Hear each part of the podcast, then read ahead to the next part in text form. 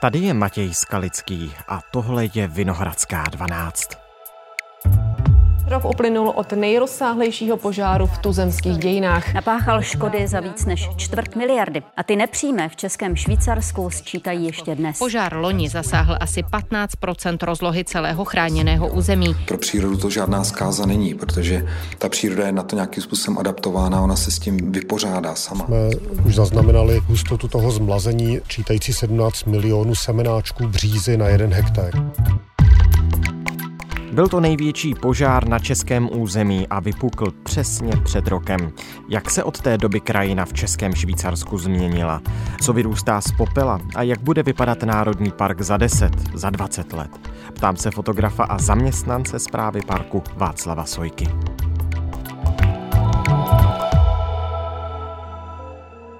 Dnes je pondělí 24. července. Dobrý den, vítejte ve Vinohradské 12 a díky, že jste si na nás našel chvíli. Dobrý den.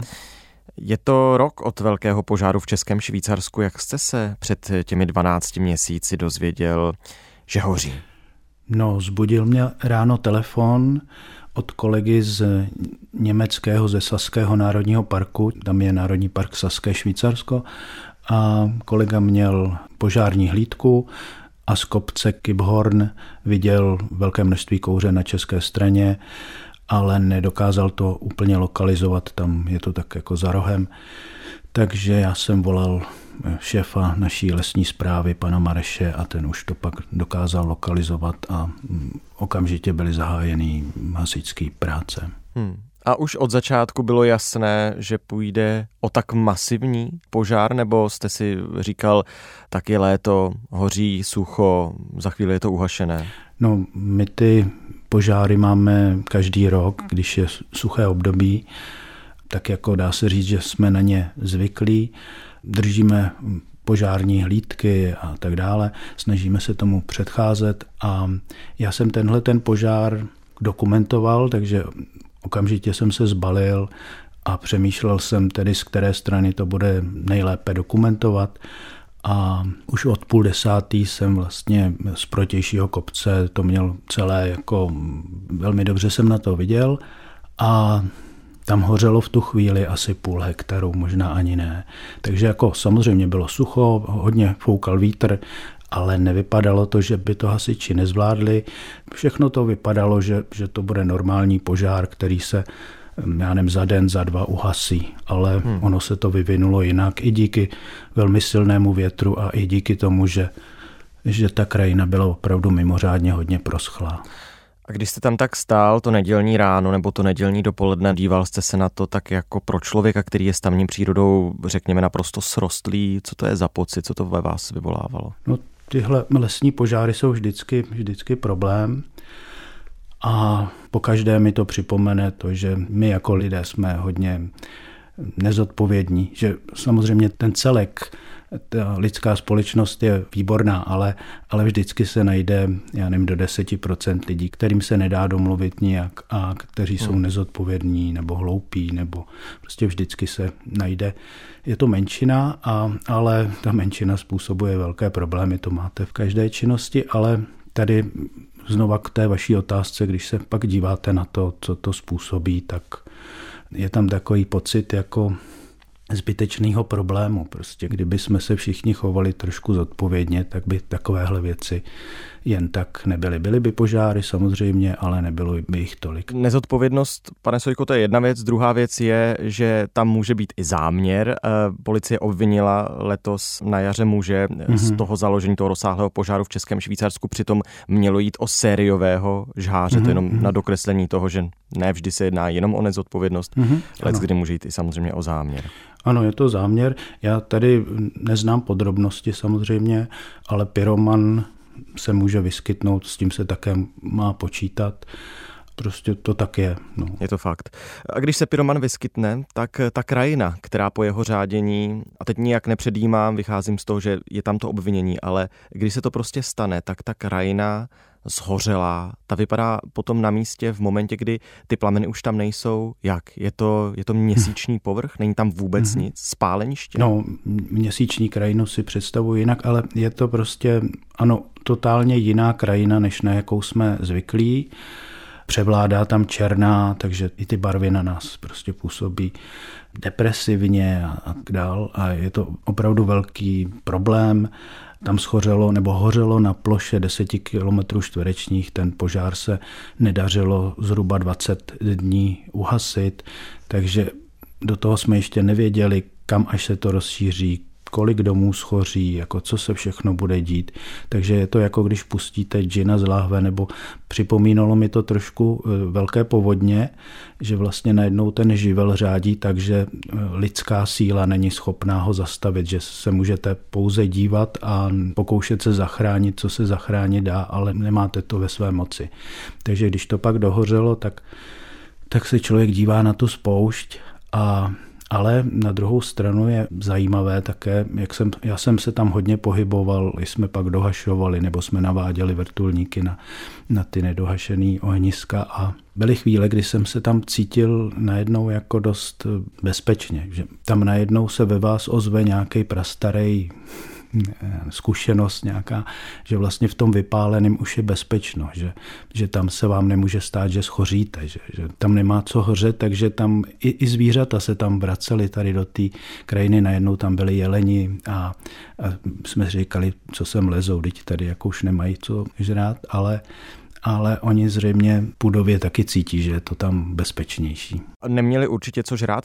V momentě, kdy je takhle velký požár, tak zemře úplně všechno v tom místě? Zbydou jenom pahýly stromů? Ne, my jsme nenašli až na jednu laň, která měla zlomenou nohu, možná nějak jako se vyděsila a mohla to být náhoda, tak jsme nenašli z těchto větších zvířat ani jeden úhyn. Tam ten požár, když prošel, tak po té případné mrtvole by zůstaly kosti. E, to jsme nacházeli staré kosti, které tam byly, tak, tak ten požár je vybělý, ale zůstanou tam. Takže ta zkušenost je, že hmm. prostě co mohlo, tak uteklo. Samozřejmě nějaký hmyz a další mohli, mohli při tom požáru zahynout nějaký kukly a tak něco, co se nemůže.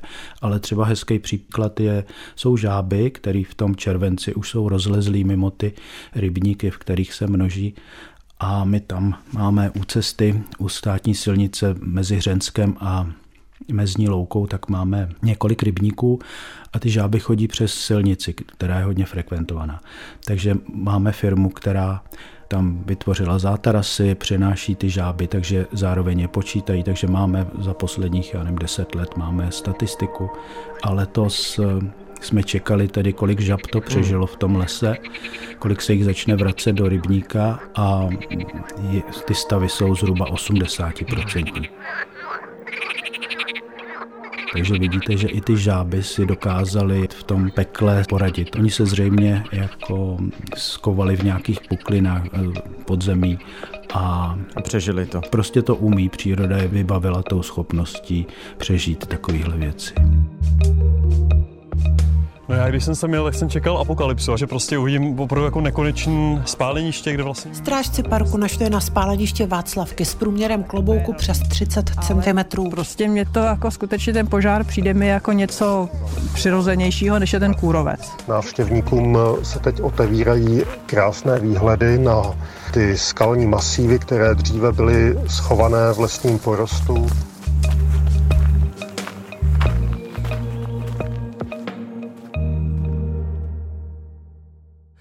Zpráva Národního parku nechává na přírodě tu obnovu lesa právě v zasažených oblastech. Je, je to úplně běžný přístup?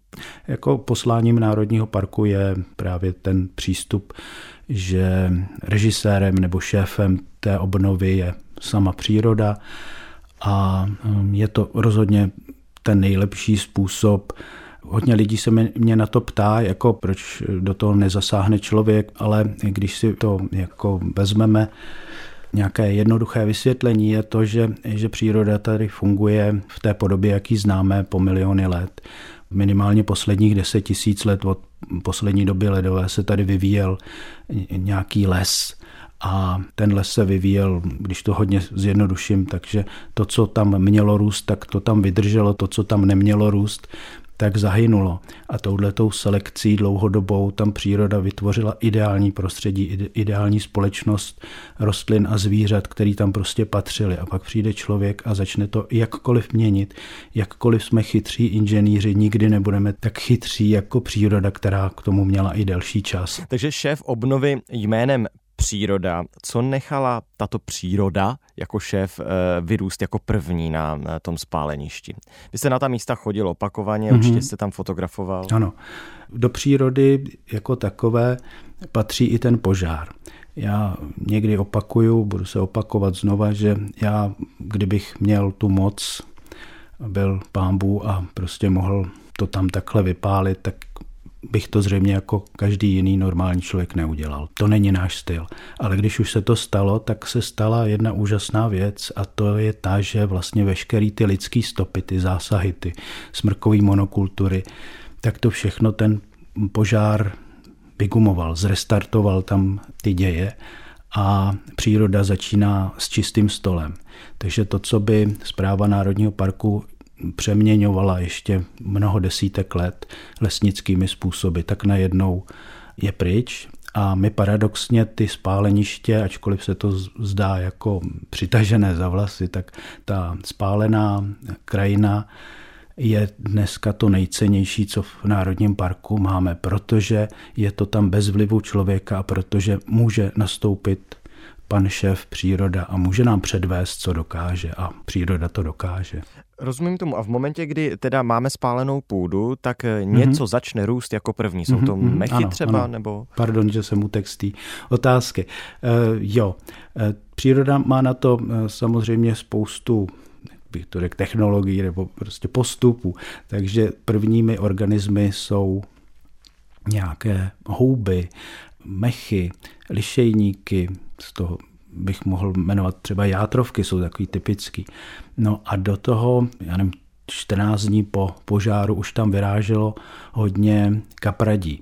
E, například hasivka orličí, ta byla hodně vidět a ta hasivka tam je to ještě e, daný tím, že ona má hluboký kořeny a je to kapradina právě, která je vybavená nebo umí si poradit s požárem, protože ten požár jí spálí nahoře, ale ona jak má hluboký kořen, tak ten kořen přežije a ona velice rychle z toho kořene obrazí. Takže ta tam byla ve velkém počtu, opravdu to byl takový jako na první pohled zázrak. Pak se tam hodně rychle se začaly objevovat semenáčky břízy. Bříza je takový zázračný strom, kdy když si vezmete to semínko, jednotlivý semínko břízy, tak je zhruba poloviční, než je zrníčko kmínu a má to takové poměrně velké křidílka, takže když do toho foukne vítr, tak to létá na velké vzdálenosti. A zase 14 dní, 3 týdny po požáru už tam bylo spoustu maličkých semenáčků z břízy. Mám si to, pardon, představit tak, zase vizuálně, že se dívám na tu černou spálenou zem a do toho se tam začnou objevovat jako malé zelené mm-hmm, tečky. Ano, ano, ano. Právě, že ze začátku to bylo opravdu všechno černé. Černý spálený eh, pozůstatky dřeva, ale i prostě černá spálená zem. Všechna ta organická hmota zčernala a přeměnila se buď to v uhlík nebo, nebo v popel. A potom, když později zapršelo, tak už a dneska, tak už ta krajina není takhle striktně černá, ale těch prvních, dejme tomu první měsíc určitě ano. A do té černé, když se vám proleze prorůstá něco zeleného, tak je to opravdu i opticky, je to takové pohlazení, takový, takový radostný jako projev, že najednou ten život v tom spáleném, sterilním, najednou to začne rašit a růst. A i když jsou to drobné kousky nebo drobné rostlinky, drobné semenáčky, třeba břízy, tak najednou cítíte ten potenciál, vidíte, jakou to má sílu.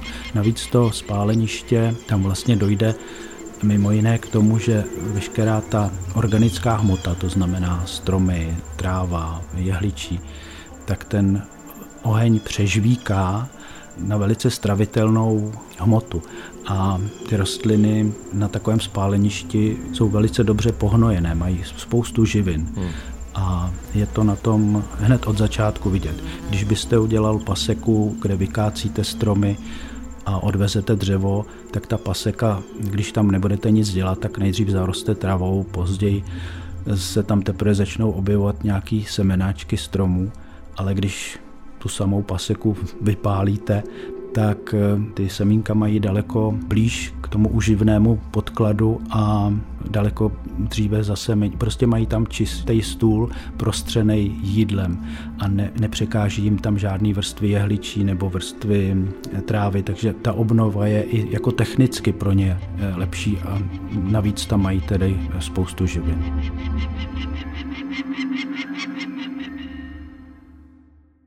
Když jste tady zmiňoval ty větší savce, kteří se už třeba pár dní po tom požáru začali na ta místa vracet, neříkám žít tam, ale mm-hmm. minimálně se tam podívat, tak jak to bylo s ptáky?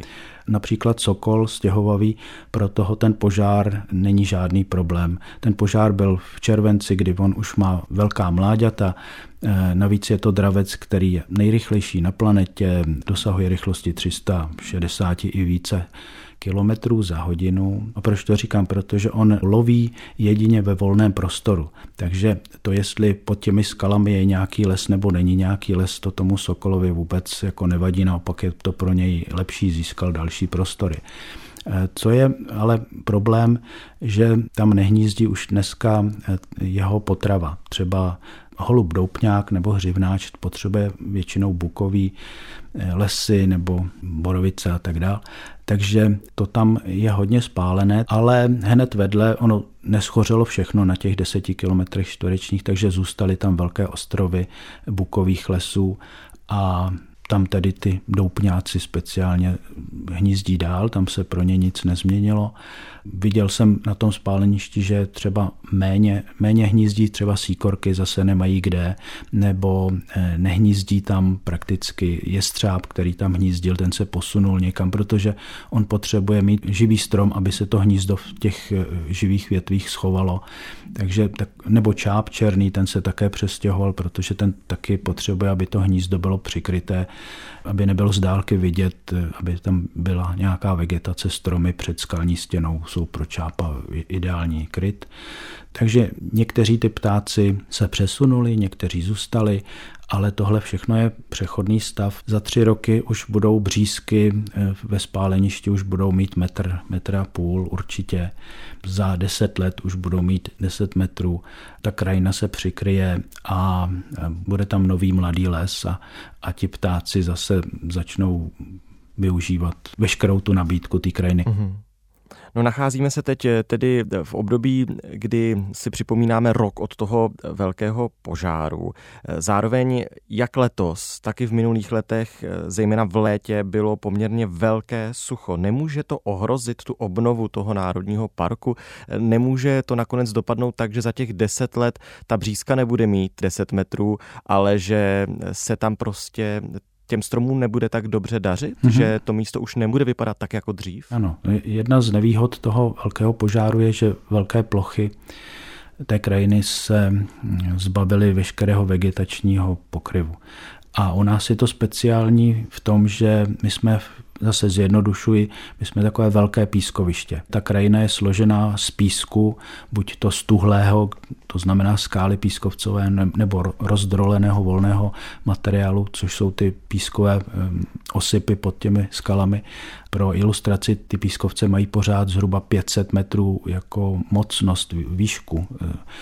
A to znamená, to, co neudrží rostliny na povrchu, teď se bavím o vláze, o vodě, takže eh, když naprší a ta voda se začne vsakovat do tohohle toho velkého pískoviště, tak zadržet tu vodu mohou kořeny těch rostlin, které tam rostou, stromů, trávy, mechu, břízek. A pokud tam tedy tenhle ten pokryv není, tak se ta voda bude ztrácet vevnitř. Takže teď záleží na prvních dvou, tří letech, jak rychle to třeba zaroste bříza, jak rychle stačí, na, jako se vytvoří vlastně takový film z vegetace na tom, na tom pískovišti a ten film začne tu vodu zachytávat a nebude ji pouštět dolů pod sebe. Protože jakmile ta voda se vsákne 2-3 metry pod zem, tak už pro ty rostliny nemá smysl. Hmm. A jak jsem říkal, je to 500 metrů vysoké pískoviště, takže tam pak ta voda se ztratí prostě. Takže to je specifická vlastnost tady tě, té pískovcové krajiny.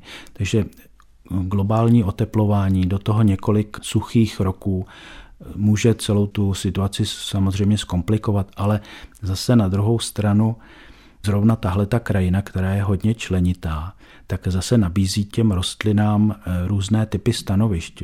Severní stranu, hluboké úzké kaniony, takže to sluníčko tam všude do toho skalního labirintu nemůže. Takže budou třeba místa, která budou beznadějně suchá. Teď mluvím o tom opravdu vošklivém scénáři. Tak asi pokud by eh, se dál prohlubovalo oteplování, eh, tak můžou být místa, které budou, se budou podobat malým pouštím ale stejně tak tam budou v těch, například v těch hlubokých soutězkách, jako je Edmundova a, a, další, nebo kolem Dolského mlína, tam se ta vegetace určitě jako udrží ještě velmi, velmi dlouho. A teď jsem mluvil téměř jako z prognostického ústavu, ale... Tak máte s tím velké zkušenosti, žijete v těch oblastech. To, to jsou prostě takové možnosti, ale zatím to nevypadá, že by to bezprostředně hrozilo, ale mělo by se s tím počítat určitě. A jak to zatím tedy vypadá? Když když se teď pojedu v létě podívat do Českého Švýcarska, zdali můžu, tak už uvidím nějaký ten vegetační film? No, v každém případě můžete. Pořád v Národním parku nemůžete do klidové zóny a to je jenom 12 km čtverečních, zbylých 68 km je volně přístupných a to, co vlastně ten požár zničil, tak dneska už to opravdu vypadá hodně dobře na první pohled, protože opravdu život tam začíná jako neuvěřitelně silně to zarůstat. A třeba břízky, to jsem sám jako byl překvapený, máme červenec a ty břízky dosahují výšky 30 cm. Ne všechny samozřejmě, ale až 30 cm. To je, když si to memete z toho semínka, který je, jak jsem říkal, poloviční, než je semínko kmínu, tak prostě to mi hlava ani nebere. To je, to je, to je opravdu velice rychlé. No. No je dobře slyšet, že se do Českého Švýcarska vrací život. Moc díky a mějte se hezky. Děkuju, nashledanou. Tohle už je všechno z Vinohradské 12, z pravodajského podcastu Českého rozhlasu. Dnes s Václavem Sojkou, fotografem a zaměstnancem zprávy Národního parku České Švýcarsko. Vyprávěl mi o tom, jak na spálené zemi vzniká nový život. Jsme na startu nového týdne a my jsme si nachystali pro vás na příští dny zase několik zajímavých epizod, tak si je nenechte ujít ve vašich oblíbených podcastových aplikacích a jestli chcete, tak nám napište, o čem byste rádi slyšeli v nějakém z dalších dílů. Náš e-mail je vinohradská12 zavináč rozhlas.cz. Naslyšenou příště.